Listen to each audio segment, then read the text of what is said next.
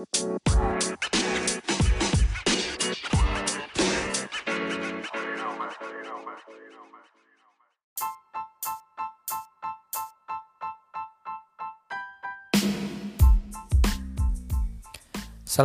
warahmatullahi wabarakatuh. Masih bersama saya Ainil Hana. Kita melanjutkan sesi yang kemarin Tentang pertanyaan patuh kepada guru. Dan hari ini kita akan melanjutkan dengan sesi yang kedua Karena saking banyaknya eh, pertanyaan-pertanyaan uh, yang uh, apa dikirimkan kepada saya Sehingga mungkin butuh beberapa sesi untuk kita jawab satu persatu. Tapi tenang aja ini sesinya nggak banyak kok, cuma dua sesi aja. Jadi kita langsung aja mulai dari pertanyaan pertama.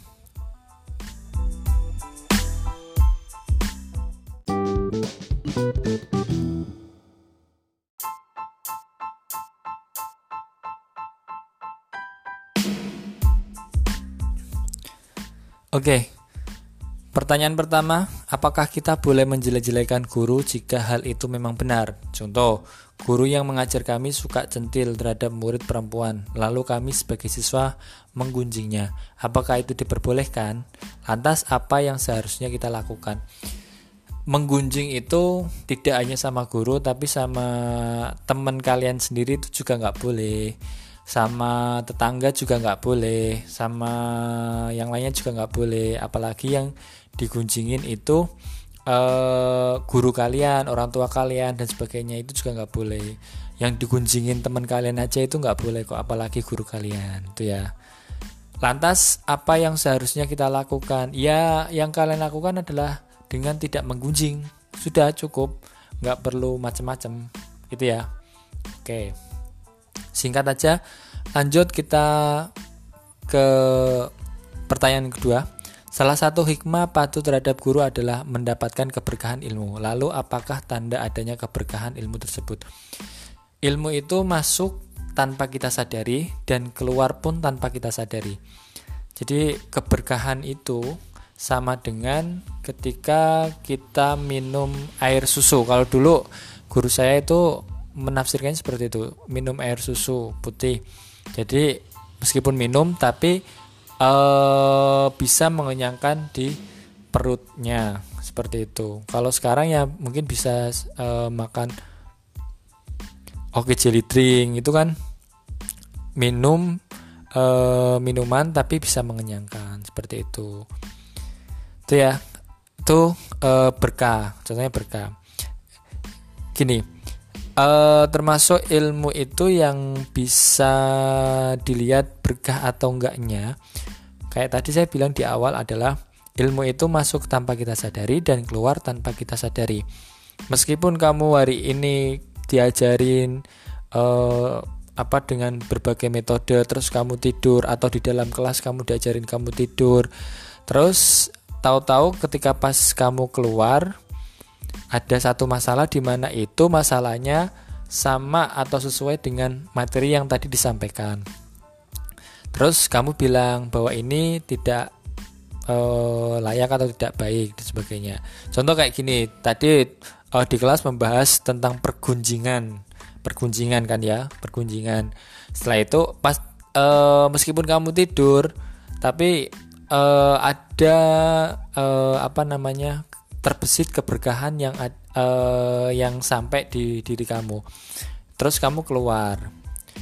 Tahu-tahu ada temanmu yang menggunjing, terus kamu bilang, "Hei, bahwa sungguhnya yang meng, yang namanya menggunjing itu tidak baik dan tidak diperbolehkan oleh agama." Ah, itu juga termasuk ilmu yang berkah, ilmu yang bermanfaat, di mana masuknya tanpa kita kerasa dan keluarnya juga.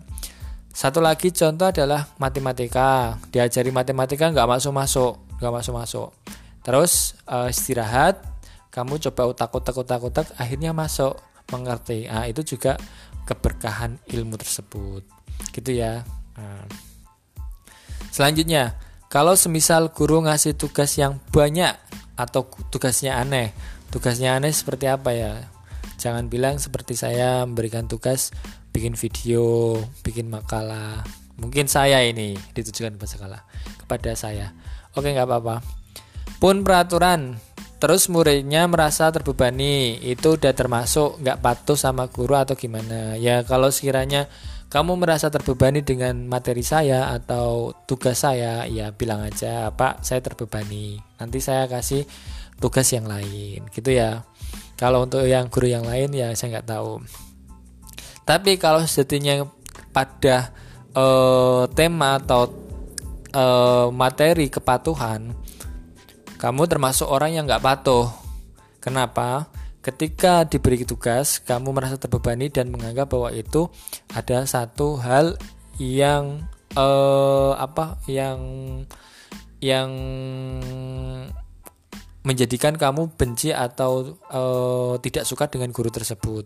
Itu juga termasuk tidak kepatuhan. Terus bagaimana seharusnya Pak? Seharusnya ya kamu meskipun uh, tugasnya banyak dari saya terus dari guru-guru yang lain ya terima aja. Karena memang kewajiban seorang murid yang seperti itu uh, cara mematuhinya. Nah, Pak tapi kalau seperti itu ya nggak adil namanya.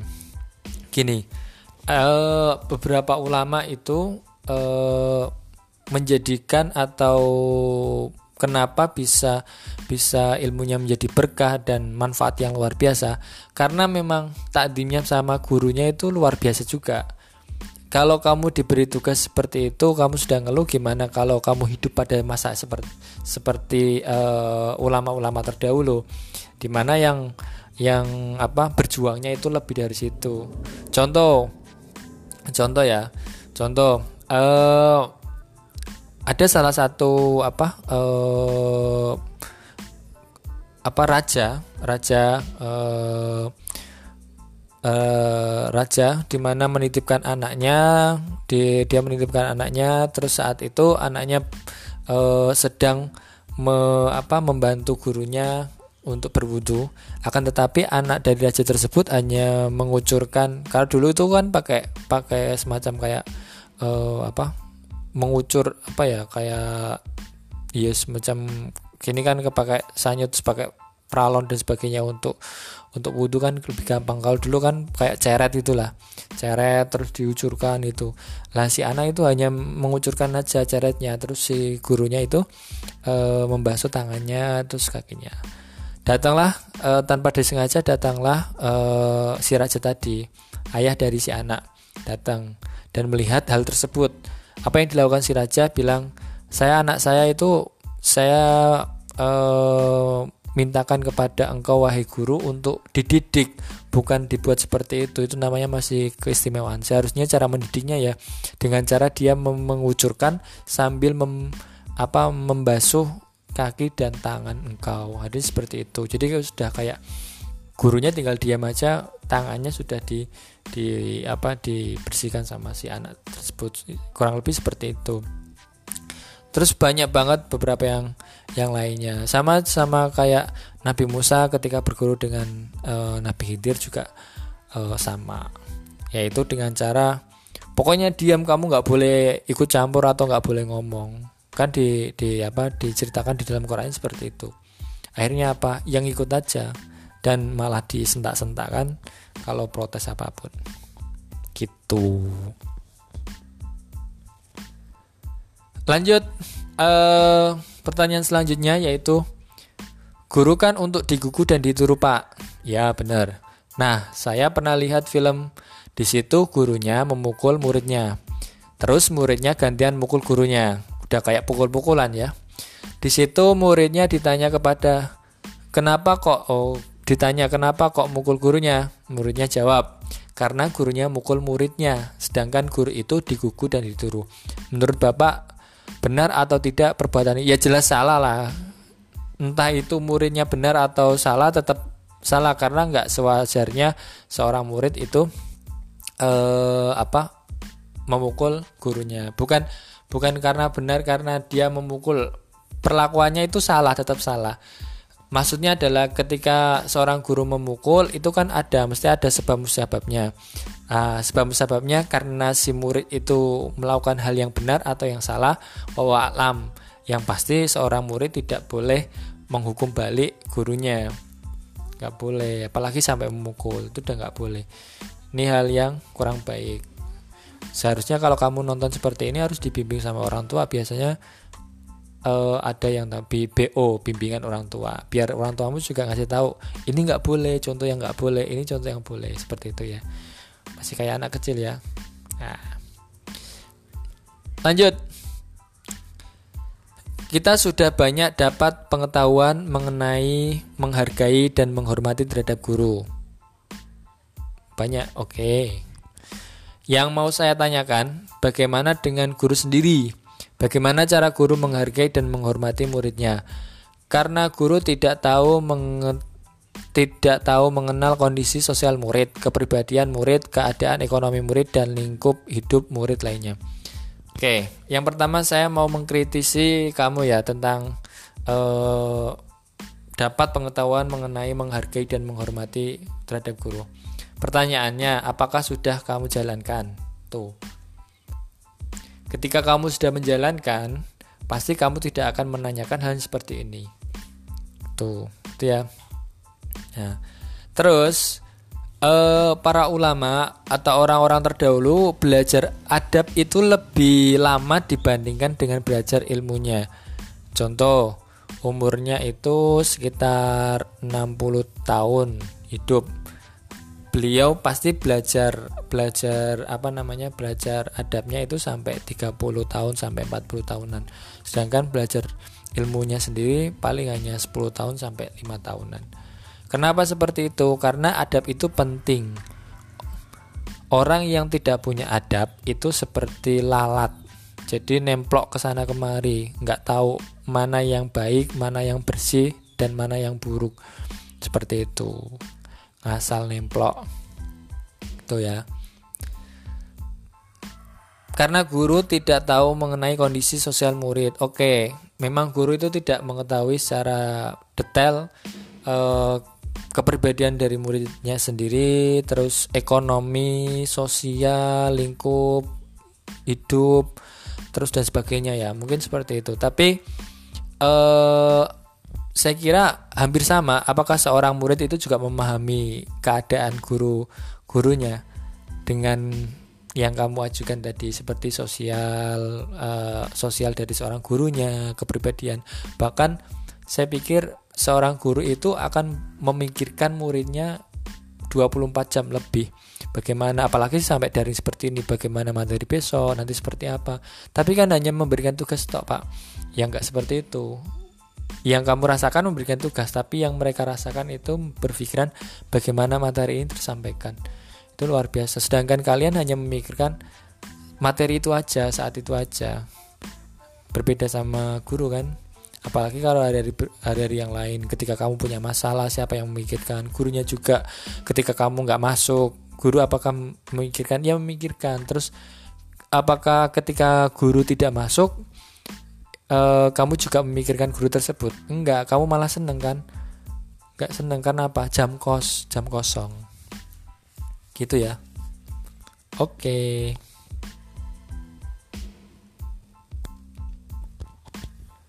Next, perbuatan atau amal apa yang jarang dilakukan, tetapi bisa mengundang ridho guru ke kita sehingga ilmu dari guru tersebut mudah kita terima. Yang pasti yang amal yang uh, paling mudah dengan kamu uh, bersopan santun kepada guru itu sebenarnya udah cukup. Tapi kalau di yang pada sesi yang pertama uh, tadi saya utarakan bahwa dengan cara e, merapikan sandalnya, e, terus tidak memakai barang-barang dari gurunya, khususnya tidak duduk di kursi gurunya itu juga termasuk. Ini juga ada tadi e, pertanyaan selanjutnya, apa hukum jika seorang siswa duduk di tempat duduk guru itu nggak boleh, nggak boleh sama sekali nggak boleh. Itu sama nyambung dengan yang atas ya. Apalagi kalau duduk di mejanya itu juga nggak boleh.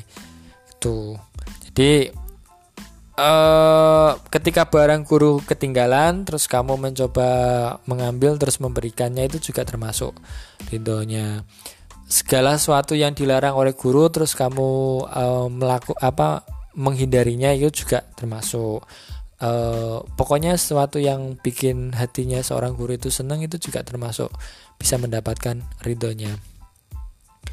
Dan mana yang lebih utama ridho guru apa orang tua? Ridho guru apa orang tua? Ini uh, dua hal yang yang tidak bisa di, dibanding-bandingkan ya. Karena apa? Dua hal ini juga uh, kapasitasnya juga berbeda. Kalau guru itu lebih kepada ruhnya atau rohanimu, uh, sedangkan orang tua itu lebih kepada jasmani atau ragamu. Jadi itu ya hal yang berbeda. Kalau kamu uh, belajar apa di jasmanimu bagaimana cara apa e, menghargai dan sebagainya itu di keluarga juga bisa. Kalau di secara pengetahuan, pengalaman dan sebagainya itu di guru. Jadi dua hal ini saling berkaitan satu sama lain. nggak bisa dibanding-bandingkan. Kalau misalkan ada guru galak yang menjadi kurang favorit di antara para siswa, bagaimana cara untuk mendekatkan silaturahim dengan guru tersebut. Oke. Apabila ada guru yang galak, tidak favorit, justru ini kayaknya lebih ke favorit ya. Kenapa? Karena banyak ditakuti, terus banyak diomongin dan sebagainya lah. Pokoknya banyak banyak yang di apa banyak yang kenal dan sebagainya. Kayak gitu bahkan kalau lulus lulus itu yang paling dicari yang pertama kali adalah guru-guru yang galak kayak gitu. Tuh. bagaimana cara mendekatkan? Tahun kemarin itu saya bikin tugas dan uh, guru itu tentang yang namanya wawancara guru. Jadi saya bikin kelompok uh, saya minta untuk bikin untuk wawancara kedua guru satu guru wajib satu guru uh, pilihan. Apa yang terjadi kebanyakan dari mereka itu baru mengetahui ada kepribadian yang berbeda di antara di dalam kelas di maupun di luar kelas dari guru tersebut. Dari beberapa guru hampir semuanya kayak gitu. Yang awalnya ada yang melihat di dalam kelas itu wah tegang, terus ada yang killer, ada yang uh, disiplin sebagainya. Ternyata ketika di bertemu di luar kelas lebih enak, enjoy, terus banyak cerita dan sebagainya. Itu ada. Kalau nggak percaya tanya kakak kelas kalian yang sempat saya ajarin. Itu pasti ada kayak gitu. Ya setidaknya paling nggak kamu memahami karakter dari guru tersebut baik di dalam kelas maupun di luar kelas. Saya jamin pasti rata-rata berbeda. Dan uh, di dalam kelas lebih disiplin, sedangkan di luar lebih uh, bersahabat. Gitu ya. Lanjut Apakah kita tetap harus hormat dan patuh kepada guru lain yang tidak beragama Islam dan bagaimana caranya? Ya, wajib tetap wajib karena guru yang yang memberikan pengetahuan dari yang tidak tahu menjadi tahu. Itu salah satu jasa yang sangat luar biasa. Makanya guru itu disebut pahlawan tanpa tanda jasa. Nah, itu wajib, tetap wajib apa pun itu. Selama si guru, uh, guru tersebut tidak menganjurkan atau mengajarkan apa yang ada di dalam agamanya. Jadi mengajak kalian pada kemurtatan atau hal-hal yang kurang baik itu yang tidak diperbolehkan. Bagaimana caranya dengan ketika dia memerintahkan sesuatu yang baik ya kamu ikuti uh, sesuatu yang uh, sesuai dengan materi yang kamu ikuti. Tapi kalau yang tidak sesuai dengan materi ya jangan diikuti. Contoh ya disuruh untuk beribadah itu yang nggak boleh disuruh untuk mencuri itu yang nggak boleh.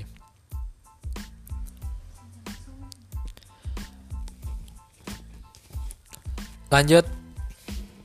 Pak mau tanya sebenarnya guru yang baik dan bijaksana itu apakah guru yang mengetahui apa yang menjadi masalah si murid? Atau guru yang selalu membedakan antara murid yang pintar atau yang tidak? Uh, guru yang baik ya yang bijaksana ya kalau untuk membedakan murid yang pintar dan yang tidak bisa jadi. Kenapa?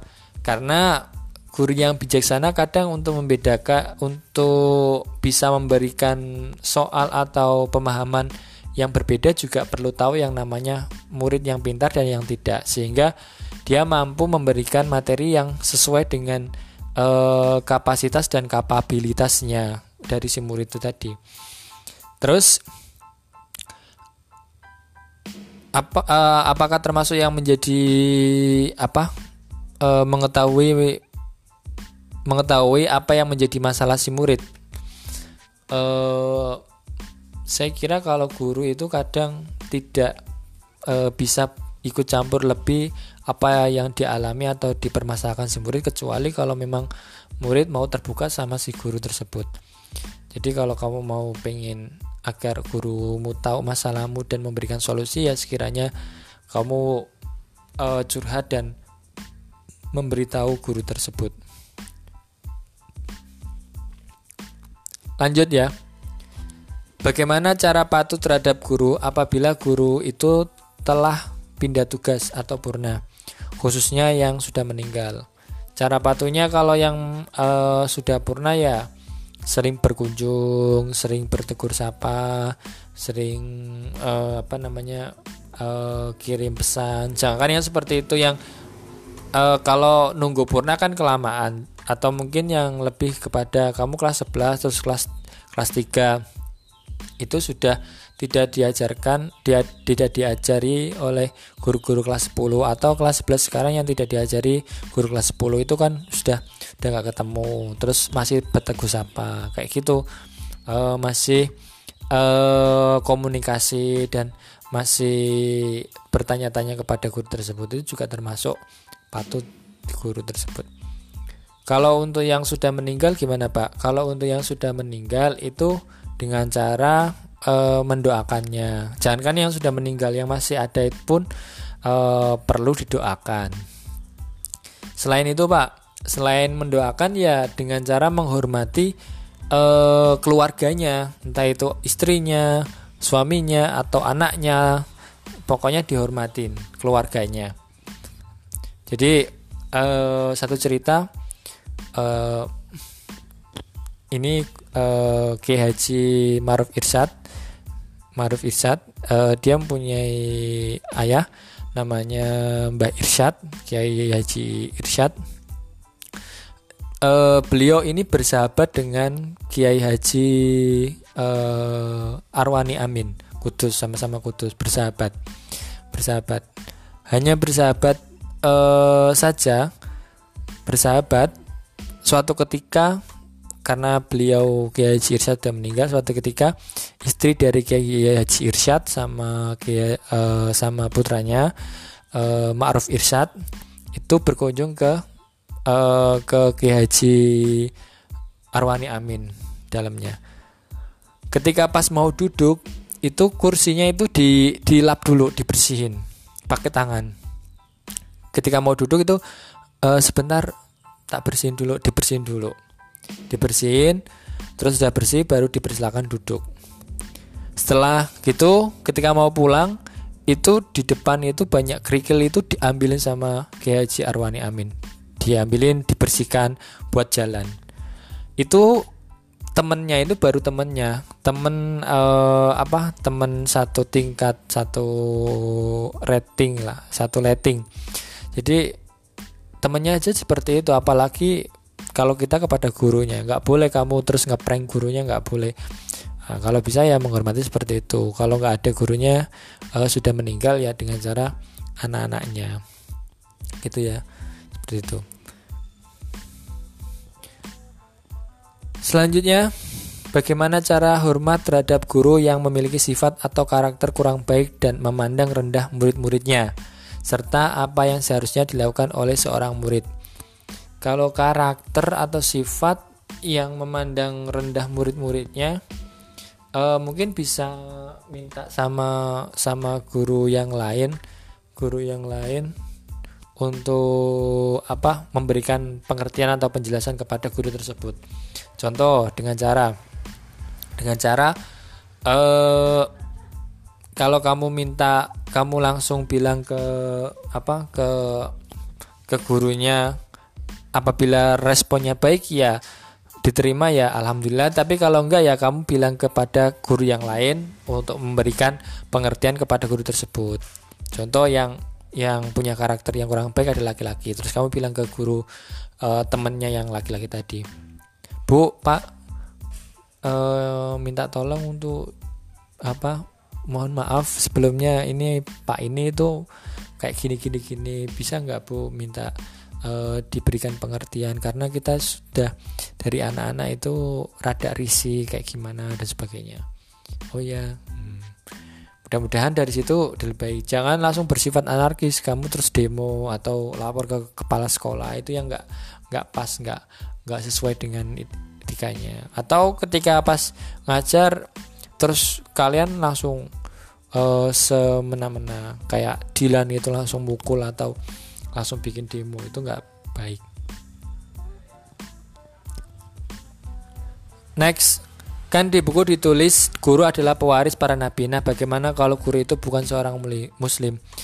Uh, sama aja, termasuk dihitung pewaris para nabi, bukan pewaris secara agama. Uh, pewaris uh, dalam ilmu keilmuan. Uh, dua hal ya mungkin seperti ini. Ada yang mengatakan pewaris di sini mengatakan sebagai pewaris ilmu agama. Ada yang mengatakan sebagai pewaris dalam keilmuan. Itu dua hal yang berbeda. Ketika uh, saya mengatakan bahwa ini juga pewaris Nabi, ini berdasar dari pewaris keilmuannya. Mungkin tapi kan dia ngajarnya matematika pak, bahasa Indonesia pak, ini pak bahasa ini pak, kan nggak ada uh, sanatnya. Ya mungkin ada beberapa yang nggak ada sanatnya dan mungkin ada yang sanatnya. Seperti matematika kan kalau diturut kan ada sanatnya juga. Uh, aljabar, uh, ke aljabar, aljabar ininya ya uh, dari apa al khawarizmi nanti ke al kan juga ada apa ada sanatnya juga mungkin ada beberapa yang tidak ada sanatnya seperti mungkin bahasa Inggris atau Cina atau apa bahasa Cina kan gak ada sanatnya tapi uh, sebisa mungkin tetap kita hormati dan menganggap bahwa uh, beliau ada representasi dari Nabi. Karena sama-sama mengajarkan kebaikan lah ya.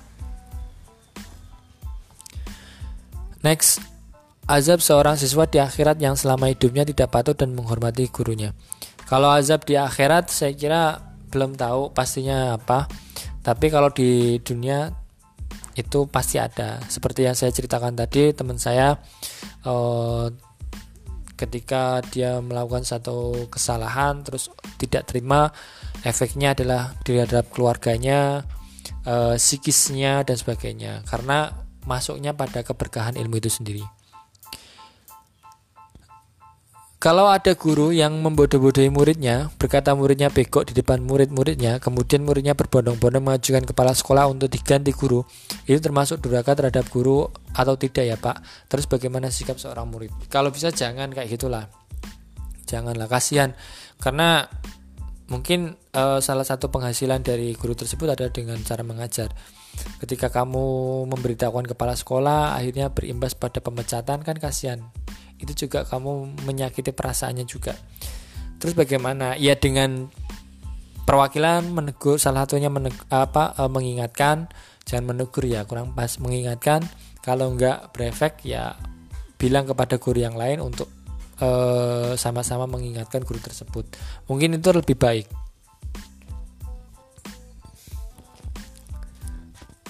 Oke. okay. Mungkin itu yang uh, bisa saya sampaikan. Terima kasih atas beberapa pertanyaan yang sudah mampir ke saya. Uh, mungkin dari sekian pertanyaan terus muncullah jawaban-jawaban saya yang akhirnya menjadikan uh, pro dan kontra di diri kalian karena an, uh, antara iya dan tidak atau antara benar dan tidaknya saya mohon maaf karena memang sejatinya pada man, diri manusia itu terdapat yang namanya uh, kehilafan baik secara pribadi maupun uh, maupun uh, secara kok pribadi secara naluri maupun secara sengaja. Jadi tanpa disengaja maupun sengaja Uh, saya mohon maaf yang sebesar-besarnya apabila ada kekeliruan kekeli uh, ke, ke, ke, kekeliruan dari saya. Saya pribadi mohon maaf dan tolong saya diingatkan yang mana dan mudah-mudahan menjadikan pembelajaran saya ke depan. Terima kasih dari saya cukup sekian. Wassalamualaikum warahmatullahi wabarakatuh. Jangan lupa jaga kesehatan, jaga semangat agar kita mampu melewati musibah ini. Bye.